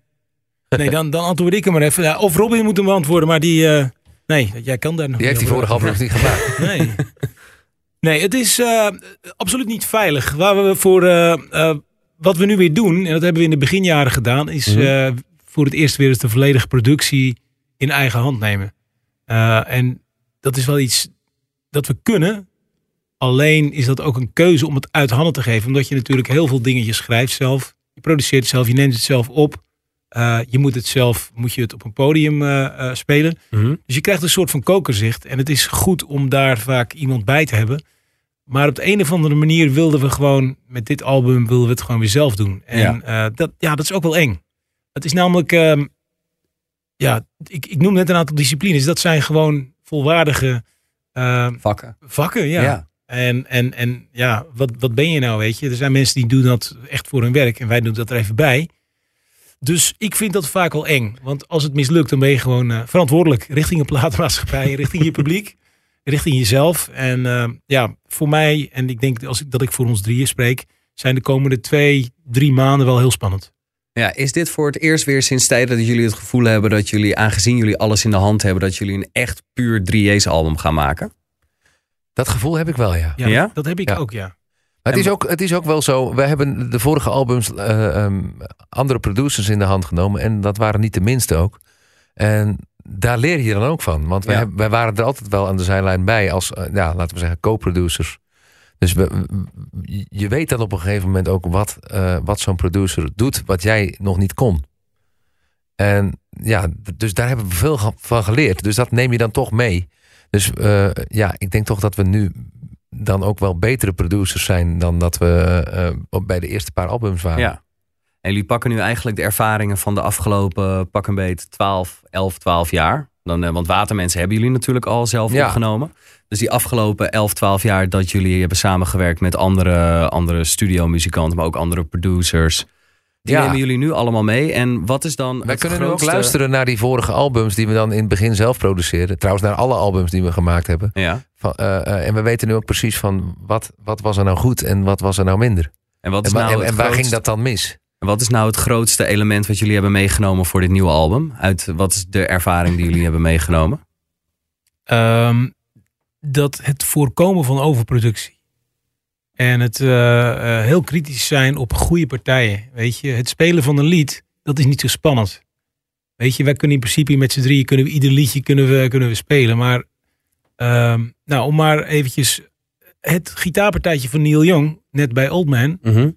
Ehm, dat is dan zo'n partijtje. Dat moet ook dat partijtje zijn. Dat maakt dat lied dan net bijzonder en herkenbaar. En je kan Old Man ook veel makkelijker spelen. Nou, ik denk dat het heel belangrijk is dat je als producer je, eh, de muzikanten die, die bij een album betrokken zijn, weet aan te sporen om hun tot hele mooie partijen te sturen. En ook als die partijen er niet zijn, ook wij zelf en zangpartijen, om daar extra naar te zoeken. Dit klinkt heel vaag, denk ik, voor de podcastluisteraars, maar ehm, een liedje wordt pas bijzonder als je, als je echt, als er een zoektocht aan vooraf is gegaan. Ja. Het komt er heel weinig voor dat je in één keer de juiste partij speelt als band. Ik denk in dit geval bij ons, als ik voor mezelf spreek, is dat één keer gebeurd bij Watermens. Dat is echt de enige die ineens, eh, dat, dat ontstond ineens? Dat, dat gitaarpartijtje van Watermensen, dat is super herkenbaar. Ja. Dat is bijvoorbeeld iets bij de 3J's waar, waar ik persoonlijk trots op ben. Dat ik denk, ja, dat, dat was gewoon de perfecte partij. Eh, die heb ik volledig lam geschreven. Ik kwam echt uit de kroeg vandaan. en dat was gewoon de partij. En daar is ook die melodie op gemaakt. Maar dat is ook de juiste partij. Dat, dat, dat ene gitaarpartijtje draagt het lied. Mag ik even voor het beeld trouwens vragen om het gitaarpartijtje? Ja, ja, tuurlijk. Maar dat, ik bedoel, niet ieder liedje. Er zijn, als je, we hebben net naar de Doors bijvoorbeeld geluisterd. Ja, Roadhouse Blues. Ja, je had hem ook zo kunnen spelen. Ja. Keep your eyes on the road, your hands upon. Nee, dat was niet bijzonder genoeg. Nee. Hij kwam. Of. eh eh, Ja, Love Me Two weet je, Times. Love Me Two Times. Of. eh, Dat zijn allemaal partijtjes. Of. eh, dat zijn allemaal partijen die zo'n lied naar een, naar een level tillen dat je. Ja, dat zijn de Stones of dat is de Doors of, of dat is Led Zeppelin. Nou, ik vind dat je als band, ook de 3A's, dat je bij zo'n nieuw album, dat daar gewoon herkenbare elementen te horen moeten zijn die die liedjes zeg maar tijdloos maken. En ik denk in het, in het geval van de toekomst is dat bijvoorbeeld... Dat is dat het gitaarpartijtje, dat maakt het lied herkenbaar. Ja, die blijft hangen. Die blijft hangen, Daar tik je op mee. Nou, en daar moet je kritisch op zijn. Ja. En nou, bij Watermensen was dat...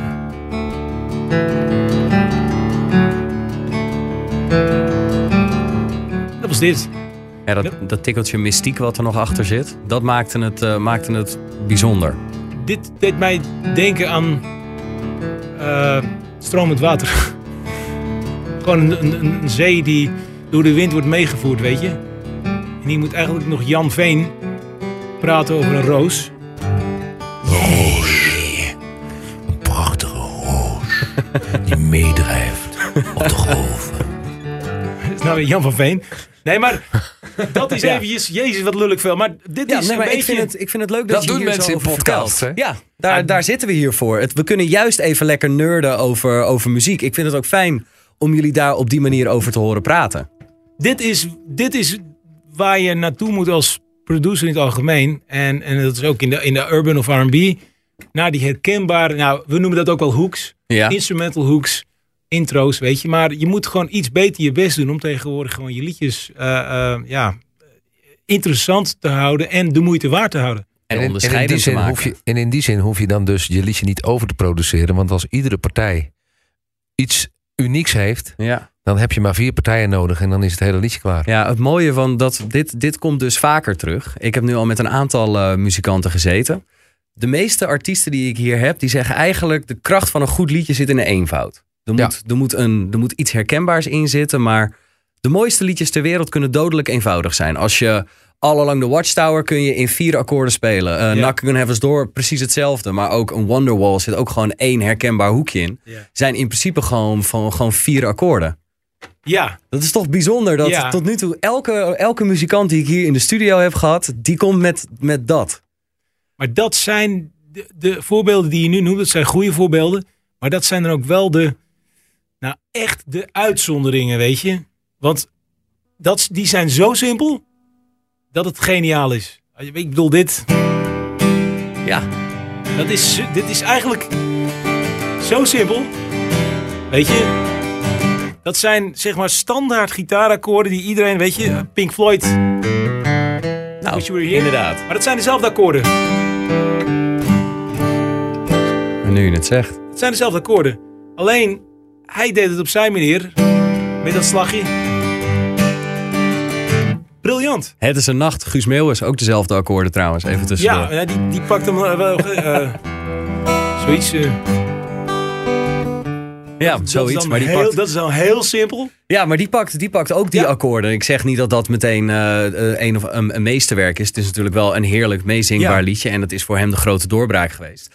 Maar waar ik naartoe wil is dat dat soort liedjes, dat soort die eenvoudige liedjes, waar juist dan de kracht zit in de details en in die, die, die, simpele, die simpele, maar toch heel, hele aansprekende vibe, dat ik dat heel interessant vind. En ik ben benieuwd, dat gaat dus bij jullie in het nieuwe album ook weer voorbij komen. Dat, daar, daar zijn jullie nu naar op zoek voor jullie nieuwe album. Daar zijn wij naar Ja. op zoek.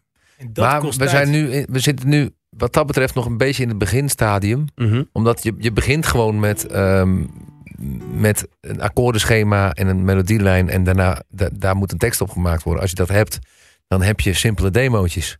Dat ga je pas in een later stadium ga je dat produceren. En, en als je het echt gaat produceren, dan ga je dus zoeken naar die, naar die partijtjes. Mhm. Dus daar zitten we nu. Dus dat is eigenlijk het moeilijkste van, al, van alles. Ja, dat kan ik me wel voorstellen. Jullie Van de week waren we nog bezig met het. eh, eh, waren we begonnen met een nieuw liedje. We hebben nu twee liedjes af. Ja. Dus we waren met het derde liedje bezig. En eh, toen kwamen we er dus niet uit. Nee, dat is verschrikkelijk. Oh, maar op welke manier kwamen jullie er niet uit? Nou, dan- dan ook, je- ook de drums moeten. eh, eh, de, de, de, de, nou ja, vertel jij het maar eigenlijk. Nee, ja, het, het, het is heel simpel. Je moet op een gegeven moment moet, moeten de partijen je tot iets, tot iets zetten, weet je. Mhm. En als het gewoon gespeeld is als een liedje, dan wordt het ook niet meer dan een liedje. En er zijn heel veel liedjes, weet je, in de wereld, iedere dag. En dat was een beetje het geval met dit specifieke lied. En, en wat we er ook aan deden, het werd niet bijzonder. Dus dan moet je op een gegeven moment ook wel eens concluderen dat al het werk dat gedaan is in bijvoorbeeld de studio door meerdere mensen, eh, door ons drieën, weet je, maar ook door onze band, dan moet je gewoon op delete drukken. En dan, dat is een, dat is een keuze die, ja, die moet je soms nemen. Kill your darlings. Ja, ja, in dit geval geen darlings, maar gewoon kill your... Gooi, Gooi het hele liedje weg. het liedje weg en begin opnieuw. En dat is het frustrerende aan produceren, weet je. Je moet, daar, je moet heel hard zijn en je maakt heel vaak de verkeerde beslissingen. En jullie zijn nu wel kritischer gaan luisteren, merk ik. Want jullie hebben natuurlijk altijd een producer gehad, afgezien van het eerste album wat Nou, met de eerste jullie albums hebben we meeluisteren. zelf gedaan, hoor, tot en met de vierde. Maar daarna, weet je, betrapten we onszelf. Het, het album, wat jullie veel draaien trouwens, Dichter bij de Horizon. Mhm. Man in de Spiegel staat erop, Twee Zielen, eh, dat soort liedjes, stil Ja. op. Eh, maar daar zitten een aantal goede liedjes, vinden we zelf bij. Alleen die zijn achteraf gewoon zo verschrikkelijk overgeproduceerd. En dat vind ik dan wel best wel jammer. En nu zie je dat in, toen niet. Toen dacht je, ah fuck, wat zijn we goed. Weet Ja, het je, klinkt studio. lekker dik geproduceerd. Lekker, man. Denk je dan? Ja. Gooi je nog wat in. Ah man, wow, weet je. En uiteindelijk dan hoor je het nu en met wat je weet Ja. en wat je hebt geleerd de afgelopen jaren, ook van die andere producers. En dan denk je, ja, goh. Maar ja, je wist het niet. En hoe voelt dat nu eh, om voor jullie weer een beetje eh, die, deze kant op te gaan? Jullie gaan weer wat simplistischer. Tenminste, niet, simplistisch is niet het goede woord. Nee, het, want dit is, dit het is, is, niet simplistischer. Nee. Dat, dat, is, dat is compleet verkeerd, eh, verkeerd uitgelegd. Jullie gaan weer op zoek naar liedjes die dichter bij jullie zelf staan. Wordt dit ook een trend voor de, voor de komende albums? Of kijken jullie nog helemaal niet zo ver? Wij kijken nooit verder dan het album dat, eh, dat eraan gaat komen. Oké. Jullie doen nooit, eh, nooit denken van, nou ja, dit, dit, dit bevalt zo goed. Nee. Laten we deze trend voortzetten. nee. Ieder, ieder album is weer een heel ander eh, verhaal en avontuur. Ik ben bijvoorbeeld gewoon heel erg benieuwd wat... Ja, we hebben meteen al tegen Robin gezegd. Weet je, gooi die memory recorder in je telefoon open en wat heb je voor ideeën? Weet je? Ja. En die kwam op dag één kwam je gewoon met een heel goed idee. En dat liedje, dat, dat, eh, dat gaan we ook opnemen. Oh, die is al, eh, die, daar, daar, dat, dat is wel al rond. Dat, dat weten jullie wel al. Maar is daar verder nog al iets van duidelijk? Hoe gaat het liedje klinken? Eh, ja, dat staat in onze memo-opname. Ja, dat, dat klinkt waarschijnlijk nog heel kaal. Dat is gewoon ergens in... eh, Dat is ook zo'n voorbeeldje van één gitaartje en een, en een zang ergens met een, eh, met een memo-recordertje opgenomen. Dat is alles wat we dan nu hebben. Dus hoe dat dan uiteindelijk op de plaat gaat klinken, dat weten we ook nog niet. kan compleet anders zijn. Ja, Ik vind dit wel mooie woorden om een beetje richting het eind van het gesprek te gaan. Ik ben heel benieuwd wat eh, de toekomst in petto heeft. wij ook. Ja, dat, eh, ja, want dat is het rare. Jullie zijn nu bezig met het schrijven van een album. Jullie hebben drie liedjes geschreven nu, toch? Ja. ja. Nou, we hebben, we hebben twintig liedjes geschreven, maar we hebben er twee uitgewerkt. ja. Zijn jullie nooit bang dat jullie denken van ja, misschien denken we wel heel erg kritisch. Misschien komt het hele album al nooit af. Of twijfelen jullie daar niet aan? Nee, het moet af. Het moet echt af. Ja, want je hebt ook, eh, we, hebben dan, we beginnen dan ook tegelijk met een nieuwe theatertour in februari. Ja, en anders wordt het heel stil. En die is aan de hand van dat album, dat heeft ook dezelfde naam waarschijnlijk. En eh, de platenmaatschappij wil dat ook. maar voelen jullie dan geen druk? Nee. Nee, dat nou. Het is mooi, het is mooi dat je hem even stelt.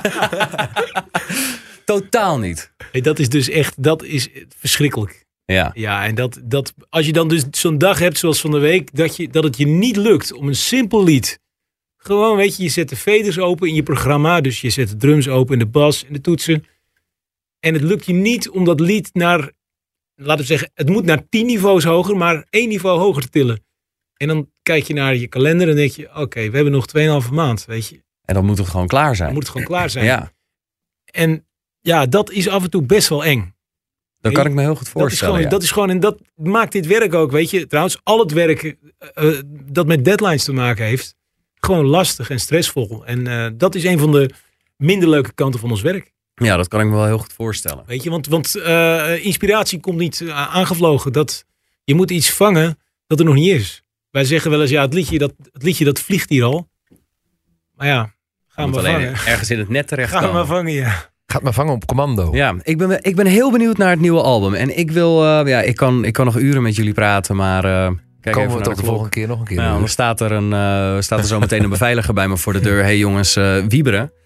Als jullie nu terugdenken aan dit gesprek, want we hebben het verleden, we hebben het heden, we hebben de toekomst, alles is besproken. Wat is nou voor jullie het liedje dat jullie het beste vinden passen bij jullie carrière? En daarmee zouden jullie hem ook kunnen spelen. Jeetje. Oei, oei, oei. Dit, ja, dit, ik snap dat dit soort vragen vervelend zijn, hoor, want dat wordt dan zo ineens erin gegooid en denk je, oh ja, helemaal niet over nagedacht. Geloof in het leven. 1, 2, 1, 2. Ik hou de jaren niet meer tegen. Tel de vogels in mijn hand. Ik stil de wind en drink de regen als hij valt. Omdat de waarheid nooit verandert. Omdat het licht niet eeuwig brandt. Overheerst toch nooit een ander mijn verstand. Voor eeuwig vrij leef ik in mij. Liever weten wat ik wil dan dat ik alles weet. Liever schamen voor mijn fouten dan mijn goedheid vergeten. Liever sterven in het vuur dan langzaam aangedoofd. Mijn hart en hoofd geloven in het leven. Hart op mijn bek dan wachten op een duw. Liever recht tegen de wind in dan een leven in lute. Als ik niet meer mag genieten, was ik liever dood. Mijn hart en hoofd geloven in het leven.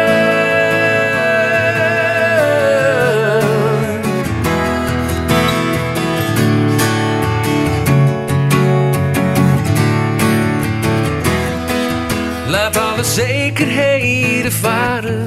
Steek alle schepen maar in brand. Ik wil gevoel niet meer verklaren met verstand. Zoek in haar ogen naar de liefde. Vraag aan haar handen naar de weg. Wanneer je luistert naar je hart als dat iets zegt,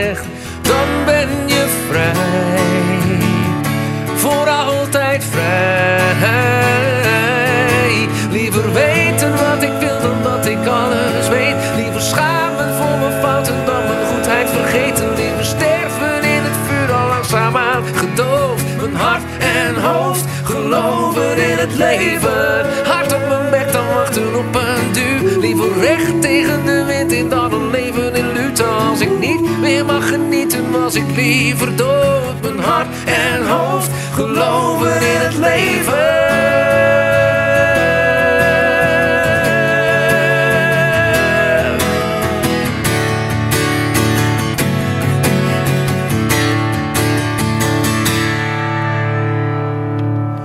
Liever weten ik wil dan dat ik alles weet. Liever schamen voor mijn fouten dan mijn goedheid vergeten. Sterven in het vuur al langzaam aangedoofd. Mijn hart en hoofd geloven in het leven. Hart op mijn bek dan wachten op een duw. Liever recht tegen de wind in dan een leven in lute. Als ik niet meer mag genieten, was ik liever dood. Mijn hart en hoofd geloven in het leven.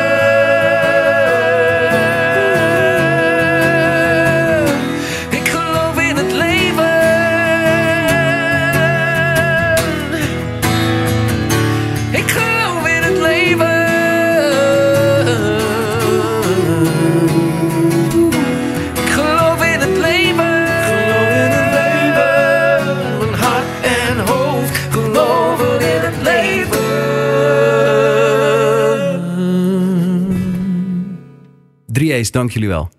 Alsjeblieft. De helden van 100 met Stefan Jacobs. En nu de 3A's weer in de auto zitten, leek het mij leuk om nog even aandacht te besteden aan de artiesten die voorbij zijn gekomen in het gesprek. En misschien wat van die originele liedjes te draaien.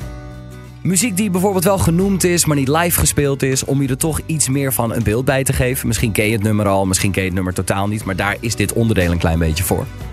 Het eerste liedje dat is er eentje van de artiest die de 3A's gebruikte om hun laatste Heroes of Music tour mee te openen. En terecht ook. Het verhaal begon met deze man. Hij is al tientallen jaren een van de meest invloedrijke singer-songwriters ter wereld, Bob Dylan. Ik zou niet liegen als ik zou zeggen dat dit mijn favoriete artiest ter wereld is. Ik ben geobsedeerd met die man, met zijn teksten, met zijn hele persona. En tijdens de tour van de 3J speelde Jaap een van zijn liedjes op het podium. Best wel bijzonder om te zien. Jaap in zijn eentje op het podium die dan dit liedje zingt. En dat nummer verdient het om ook in de originele versie te horen. Een stukje muziekgeschiedenis. Dit is Blowing in the Wind. How many roads must a man walk down before you call him a man? How many seas must the white dove sail before she sleeps in the sand? Isn't how many times must the cannonballs fly before they're forever banned? The answer, my friend, is blowing in the wind. The answer is blowing in the wind.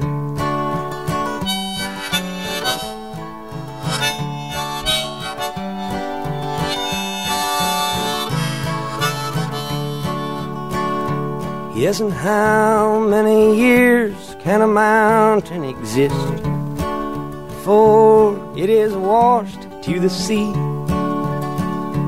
Yes, and how many years can some people exist before they're allowed to be free?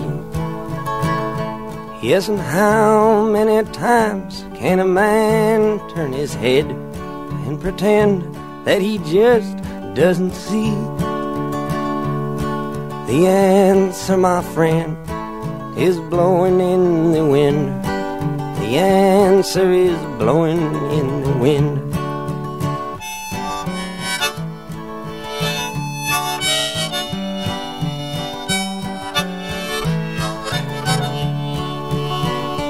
Yes, and how many times must a man look up before he can see the sky? Yes, and how many ears must one man have before he can hear people cry? Yes, and how many deaths will it take till he knows that too many people have died? The answer, my friend, is blowing in the wind. The answer is blowing in the wind.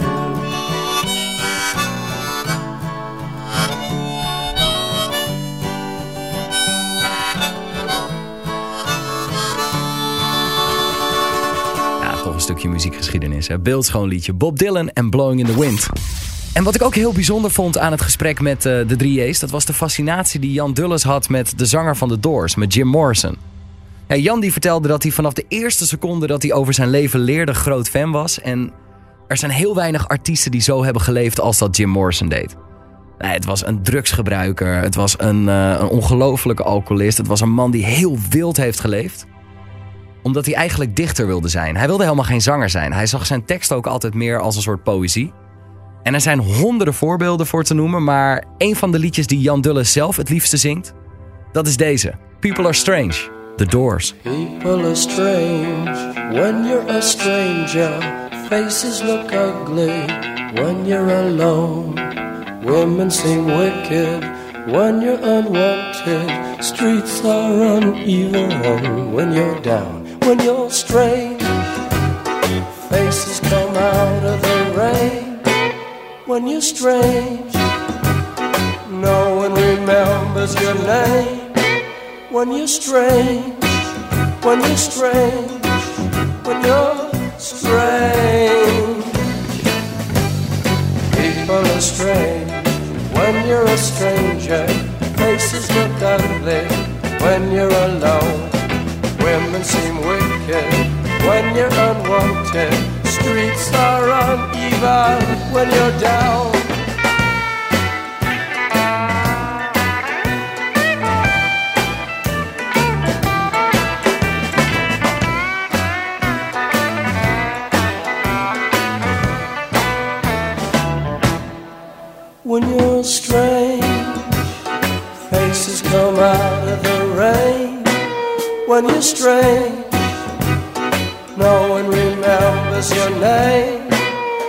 Name.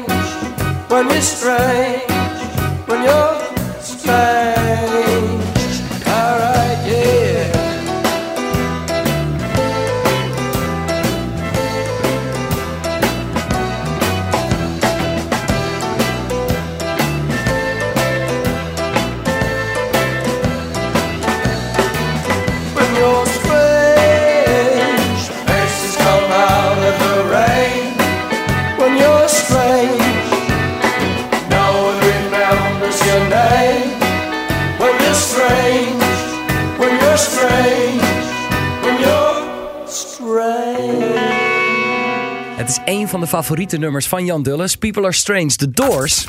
En een andere artiest die voorbij is gekomen in het gesprek is Elvis Presley. Jan Dulles die zong een beeldschone versie van zijn liedje Crying in the Chapel. Maar hij heeft natuurlijk nog veel meer mooie liedjes gezongen. En eentje die was voor hem altijd net ietsje specialer.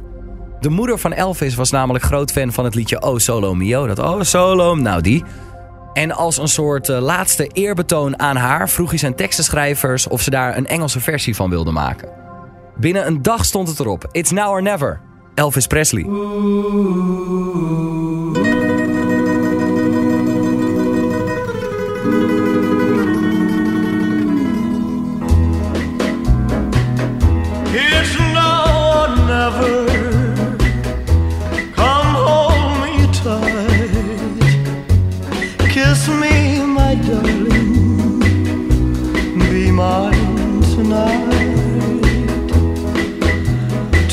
Tomorrow will be too late. It's now or never. My love won't wait. When I first saw you, with your smile so tender, my heart was captured, my soul surrendered. I spent a lifetime waiting for the right time. Now that you're near, the time is here at last. It's now or never. Come hold me tight. Kiss me, my darling. Be mine tonight. Tomorrow will be too late. It's now or never. My love won't wait. Just like a willow, we would cry an ocean if we lost true love and sweet devotion. Your lips excite me. Let your arms invite me. For who knows when we'll meet again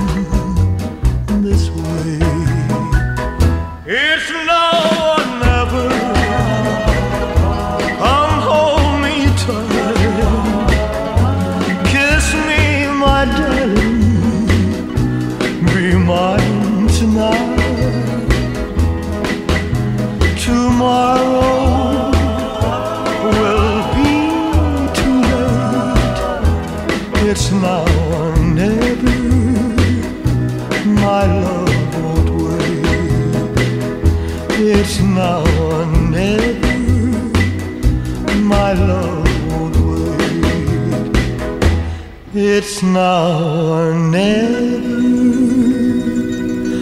My love won't wait. It's now never. My love. Ja, het venijn zit hem in de staart hè, bij dit liedje. Elvis. En tot slot een liedje dat de 3J's hebben gebruikt als voorbeeld om het laatste liedje dat ze net live speelden te schrijven. Ja, er is heel goed naar gekeken in ieder geval. Als een soort inspiratiebron. Geloof in het leven. En dat tonen ze ook gewoon op een album Bronnen. Daar beginnen ze met geloof in het leven. Maar dat wordt al heel snel iets anders.